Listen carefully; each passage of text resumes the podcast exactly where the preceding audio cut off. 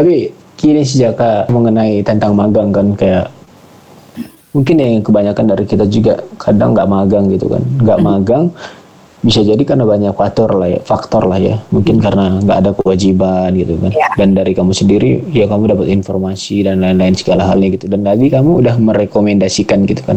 Nah sekarang aku mau nanya gini magang tuh apakah maksudnya aduh apa ya nanya ya bentar bentar Cak.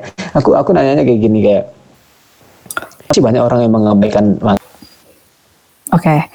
karena tidak diwajibkan Mhm.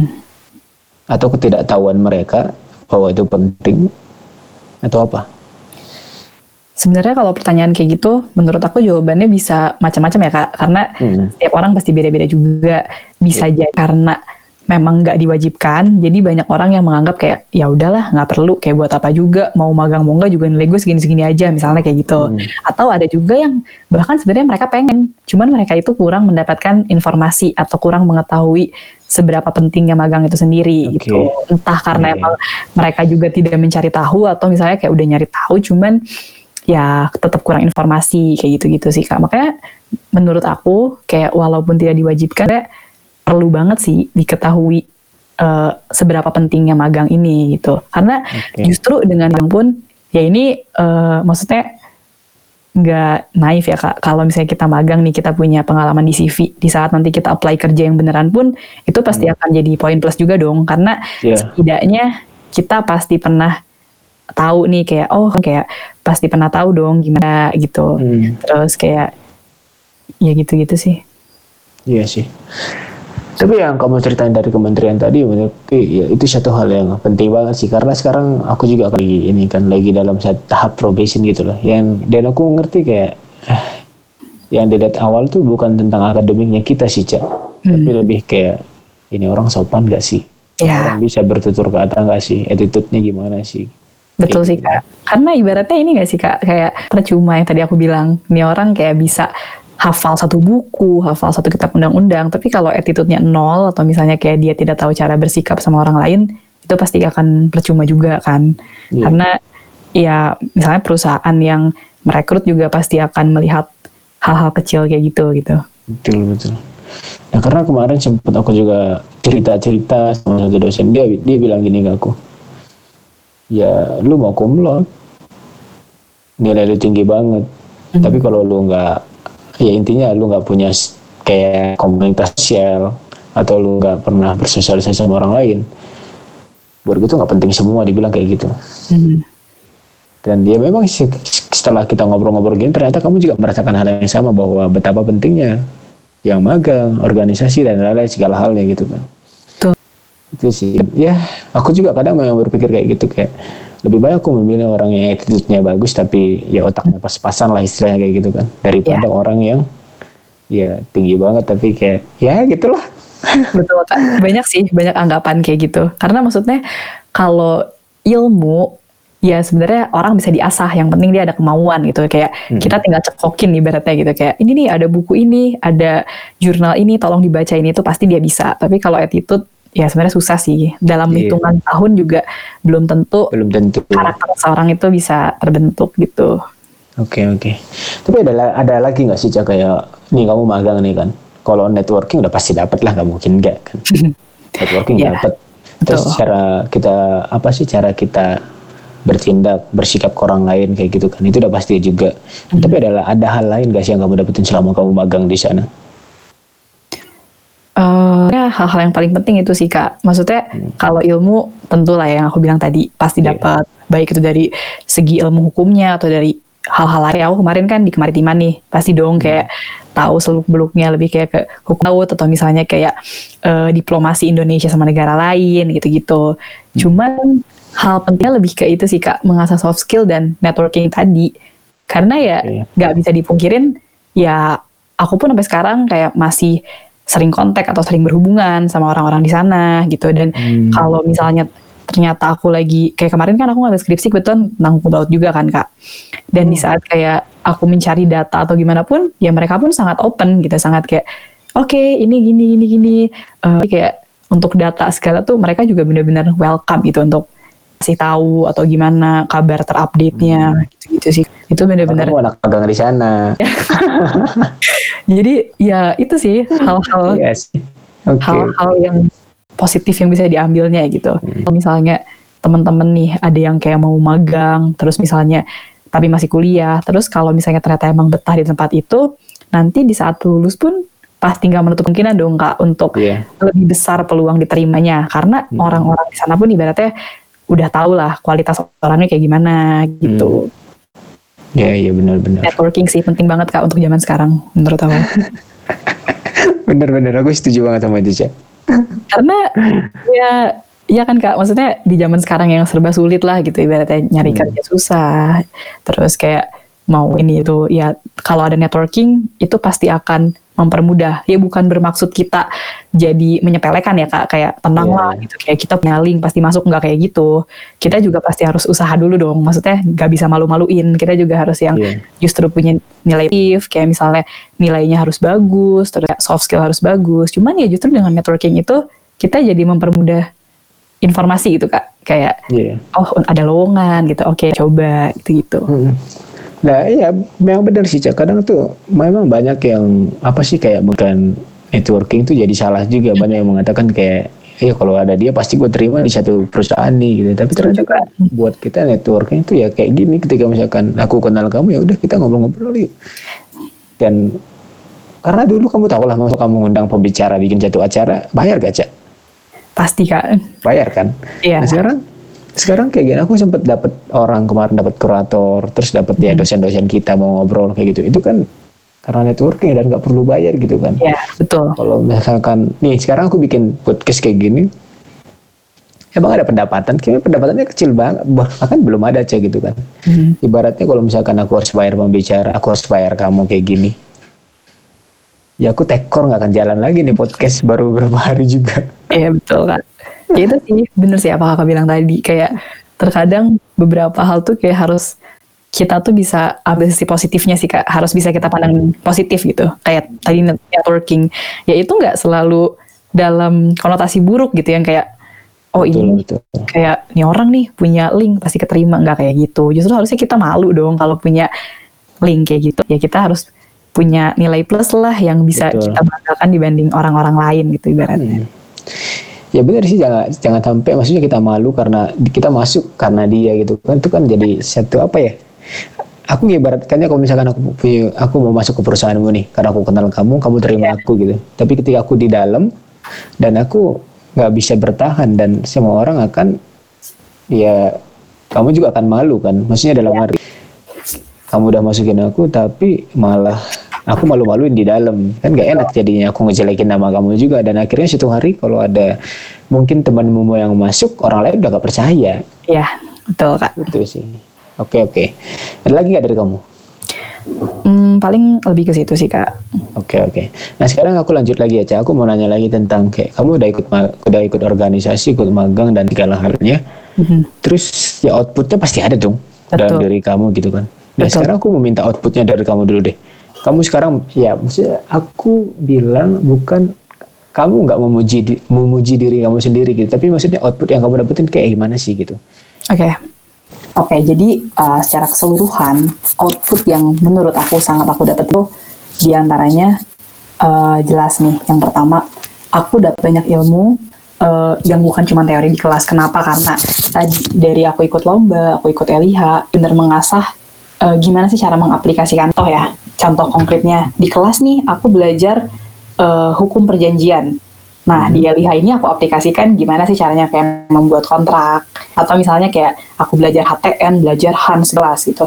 Ya aku aplikasikan dengan cara aku ikut lomba nih, bikin naskah akademik, gimana caranya untuk uh, melakukan suatu apa namanya uh, amandemen undang-undang dasar kayak gitu-gitu sih.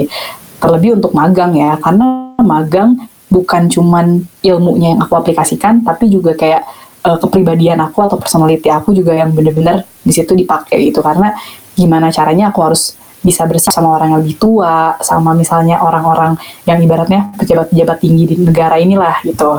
Terus lagi uh, selain untuk dari segi ilmunya eh, jelas juga aku ngerasa dengan kayak ngikut organisasi LDH segala ini tuh bener-bener membentuk diri aku sih.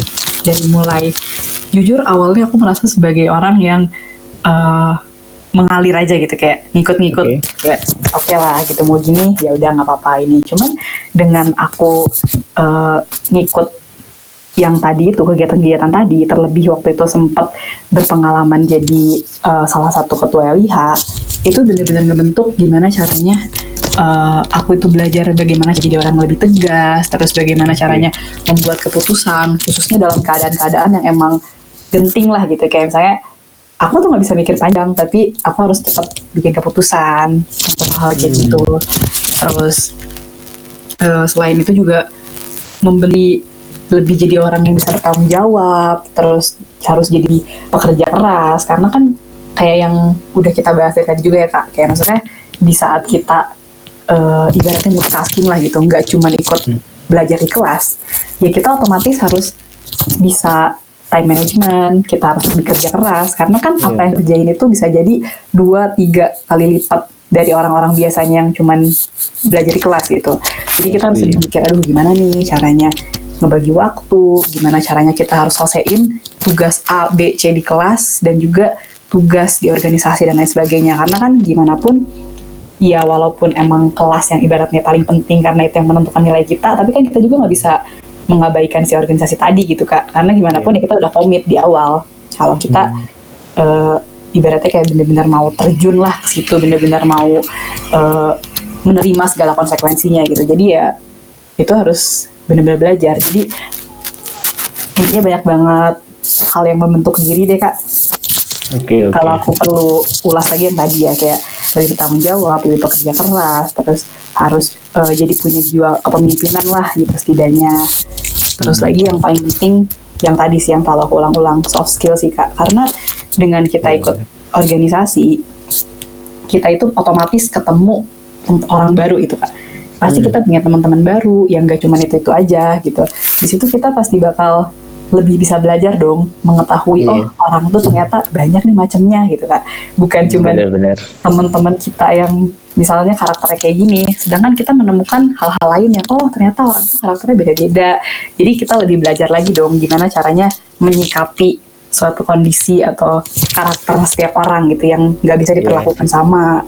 Setuju, terus lagi juga belajar juga yang tadi sih hal-hal basic gimana caranya berkomunikasi sama orang. Karena kan eh, kakak juga pasti tahu ya kak. Kayak misalnya apalagi di kampus kita sering banget nih hal-hal kecil lah kayak kalian Iya iya iya iya. masa sih nggak sopan banget? Gitu. Kirim email langsung eh, isinya tanpa ada subjeknya tanpa ada apa-apa. Body emailnya gitu kan. Iya, harusnya kan itu kayak hal-hal yang mungkin awalnya kayak apa sih? Gitu kayak itu Hmm. bukan hal yang gimana-gimana tapi hal-hal kayak gitu yang justru kita banyak pelajarin sih kak.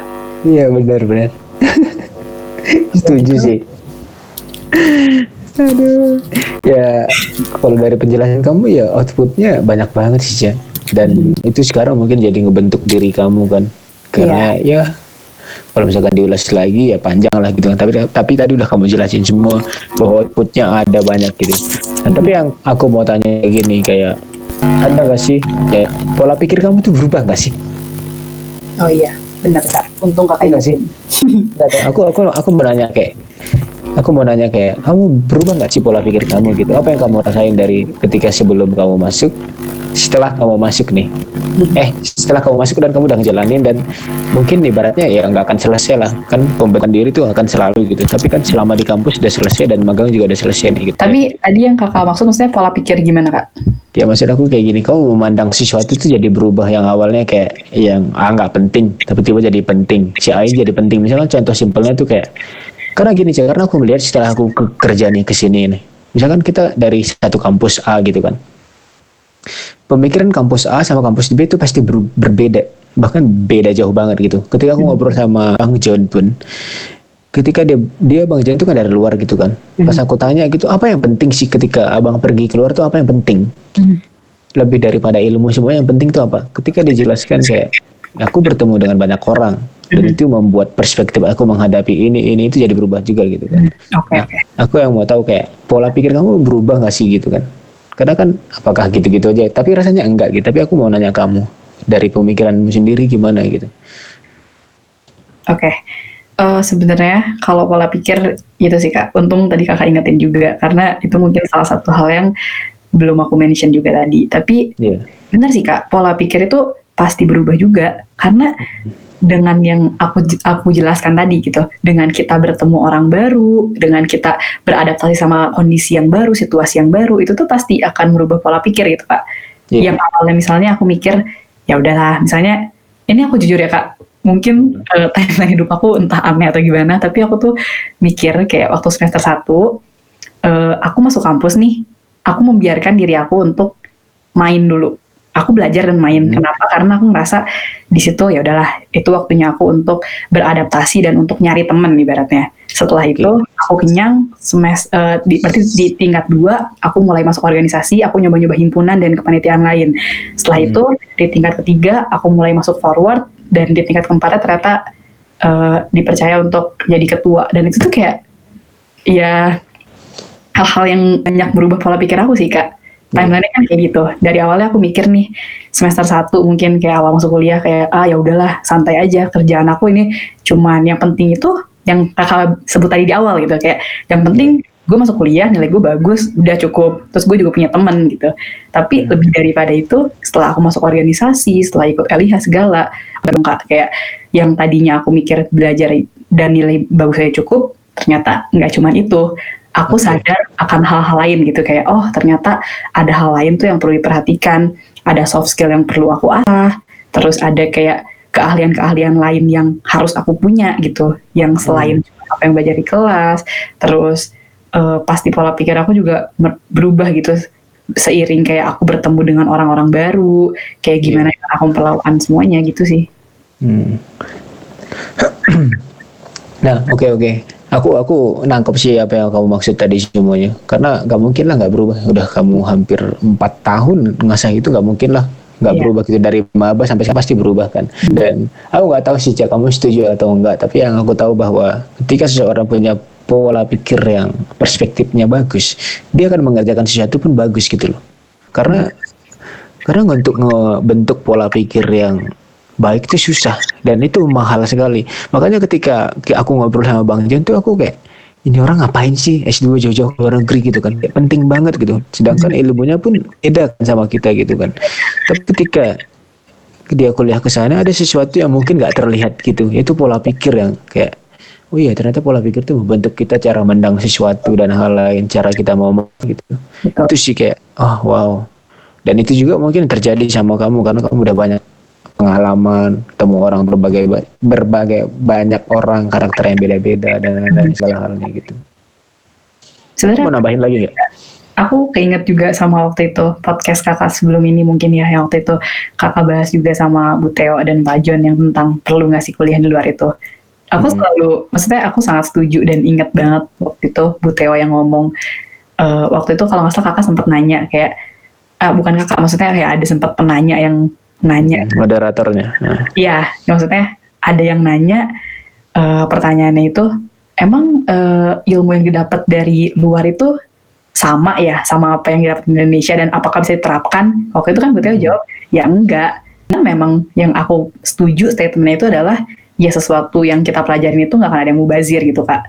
Jadi betul mau itu berhubungan atau enggak ya terserah. Tapi yang penting nggak ada yang mubazir dan pasti akan ada selalu hal positif yang bisa kita ambil gitu. betul Dan kalau betul misalnya kayak mau dihubungin sama topik kita sekarang gitu ya kak, mau dihubungin sama ikut organisasi, ikut LIH atau misalnya kayak magang segala, sebenarnya itu relate banget nggak sih sama segala apa yang kita Iya. pelajarin? Contoh organisasi aja ya, yang kita eh, maksudnya lebih banyak mengandalkan soft skill itu karena kan bukan yang eh, ke bidang hukum banget gitu ya. Sebenarnya ada nggak sih? Ya enggak juga sih, benar kata kakak. Justru eh, dengan kita ikut bisa jadi kita malah nilai turun karena banyak begadang ngerjain proker ini itu. Cuman Iya. lebih daripada itu ada hal lain loh yang bisa kita ambil gitu. Nggak ada yang mubazir sama sekali. oke Justru dengan kita ikut organisasi kita bisa dapat pengalaman lain yang belum tentu orang lain pun bisa dapetin hal itu gitu. Hmm. ya itulah maksudnya banyak hal yang ya kalau dibahas dari awal sampai sekarang ya aku nggak mau ngejelasin sih karena udah panjang lebar juga kan dan intinya di sana ya banyak poin penting informasi penting yang mungkin teman-teman sekalian bisa dengerin dan ini sangat berguna terlebih buat teman-teman yang mungkin aku bilang bukan terlambat tapi maksudnya teman-teman yang masih banyak waktu ya segera gunakan waktu itu dengan baik gitu. Karena aku sendiri pun yang udah lulus aku masih sangat merasa merasa kekurangan pengalaman. Dan kan apalagi profesi kita kayak gini cak. Iya, mau jadi lawyer tuh aduh pengalaman pengalaman pengalaman dan pengalaman dan pengalaman kan nggak bisa dibeli ya. Iya. maksudnya harus turun ke bawah lah gitu kan. Mhm. Nah dan aku mau nanya lagi nih kamu kan udah banyak pengalaman gitu sejujurnya nih aku nggak tahu ya sejujurnya ada nggak sih yang ngajak kamu kerja nawarin kamu kerja atau ngajak kamu bikin satu project atau apalah gitu. ada nggak sih Iya, sebenarnya kalau itu bisa dibilang ya alhamdulillah ada aja sih kak. Makanya itu apa yang tadi dibilang networking itu penting gitu. Hmm. Kayak misalnya di saat yang tadi aku ceritain di saat kita magang misalnya, ya itu tuh nggak menutup kemungkinan bahkan bisa dibilang besar peluangnya untuk kita tuh misalnya kembali ke tempat itu Iya. gitu atau bahkan tempat lain gitu yang memang mengetahui pengen apa atau misalnya kenal kita dari mana. Makanya itu networking penting. Dan Hmm. dari pertanyaan kakak jawabannya ya ya ada. Ada.